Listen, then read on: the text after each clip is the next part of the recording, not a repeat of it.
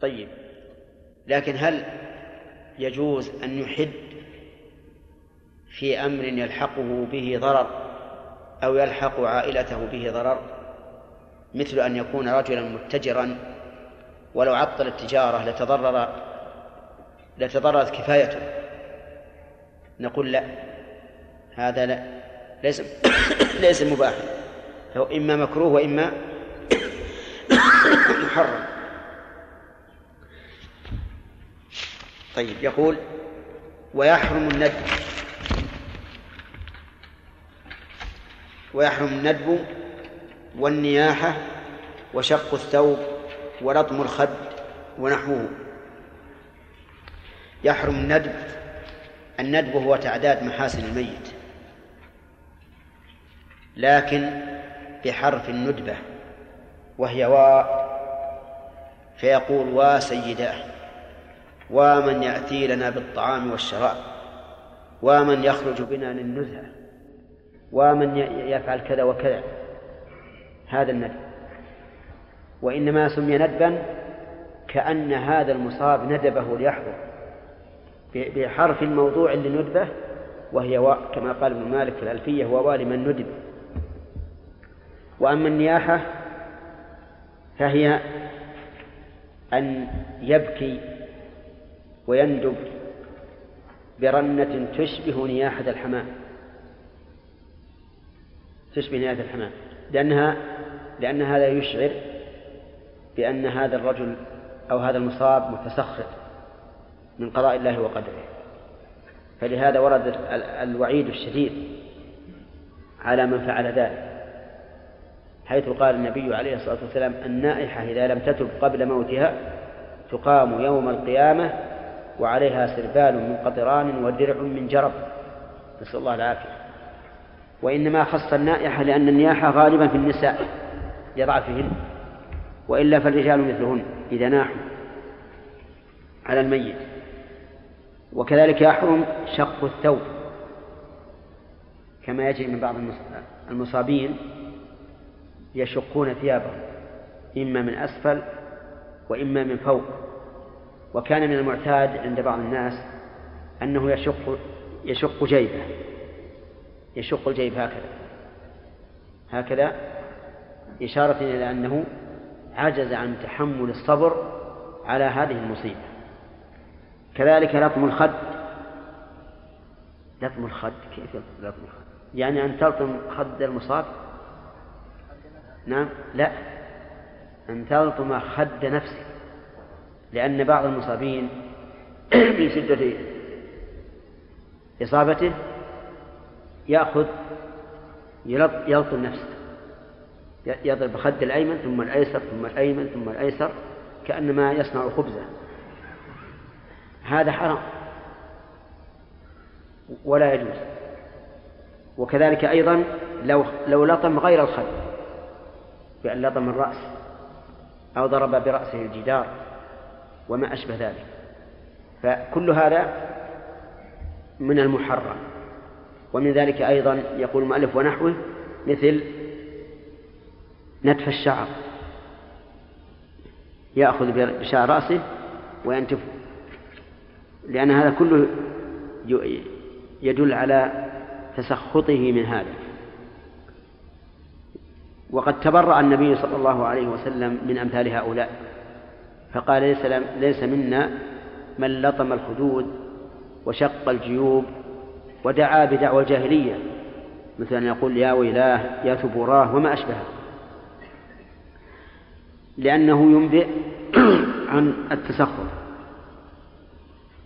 وليعلم أن الناس إزاء المصيبة على درجات. الشاكر والراضي والصابر والجازع أربع درجات. الشاكر. والراضي.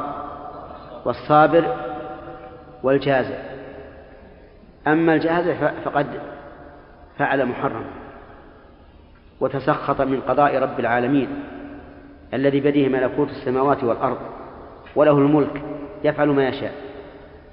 وأما الصابر فقد قام بالواجب والصابر هو الذي يتحمل المصيبة يعني يرى أنها مرة وشاقة وصعبة ويكره وقوعه ولكنه يتحمل ويحبس نفسه عن الشيء المحرم.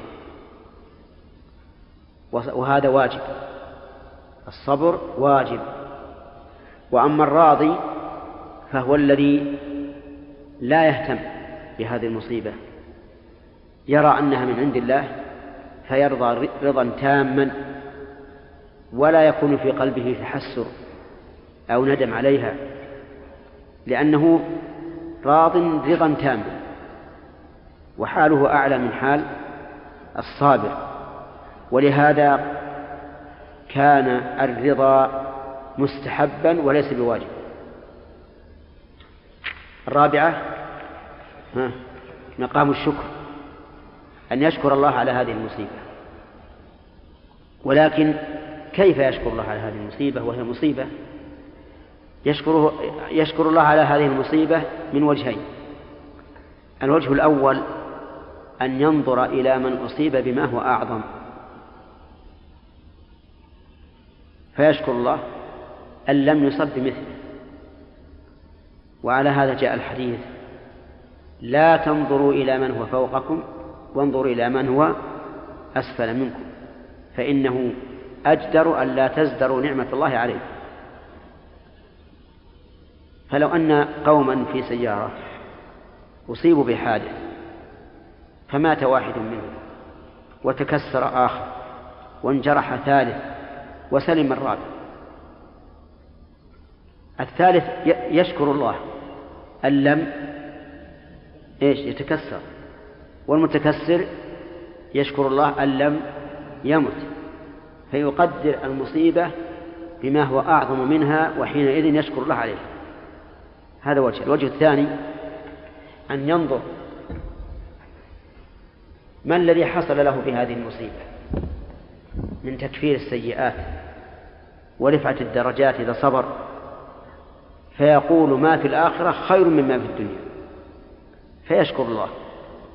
ويقول أشد الناس بلاء الأنبياء ثم الصالحون الأمثل فالأمثل. فيقول هذا أرجو أن أكون به صالحا. يشكر الله سبحانه وتعالى على هذه النعمة. ويذكر أن رابعة العدوية أصيبت في أصبعها. ولم ولم تحرك شيئا لم تحرك ساكنا. فقيل لها في ذلك فقالت إن حلاوة أجرها أنستني مرارة صبرها. شفت التقدير المقابلة.